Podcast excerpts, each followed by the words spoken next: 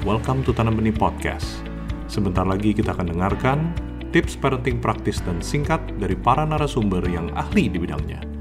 Agar tidak ketinggalan tips parenting yang lainnya, jangan lupa klik tombol follow. Parents, selamat belajar.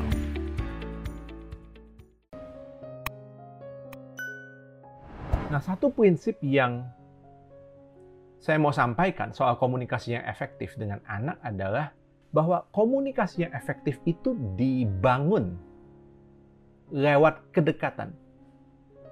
Dibangun lewat kedekatan. Jadi bukan tahu-tahu ada aja. Komunikasi yang efektif itu hasil dibangun, bukan tahu-tahu ada. Dibangun oleh kedekatan, dibangun lewat kedekatan. Nah, menjadi dekat itu kan proses. Nggak bisa kan tahu-tahu dekat.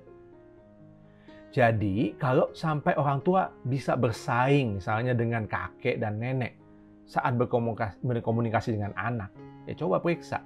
Jangan-jangan, jangan-jangan memang anak ternyata punya kedekatan yang jauh lebih tinggi dengan kakek dan nenek dibandingkan dengan orang tua.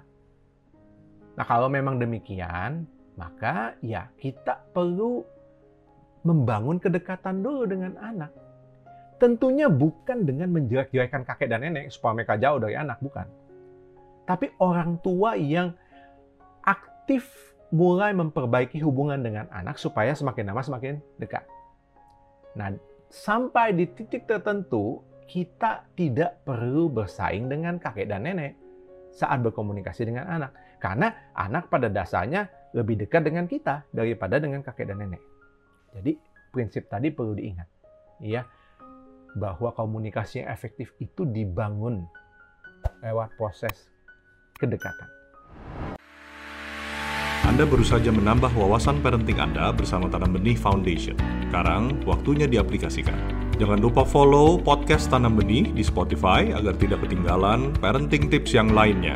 Ingat, tidak ada parents yang sempurna, tapi kita bisa terus belajar untuk menjadi parents yang lebih baik.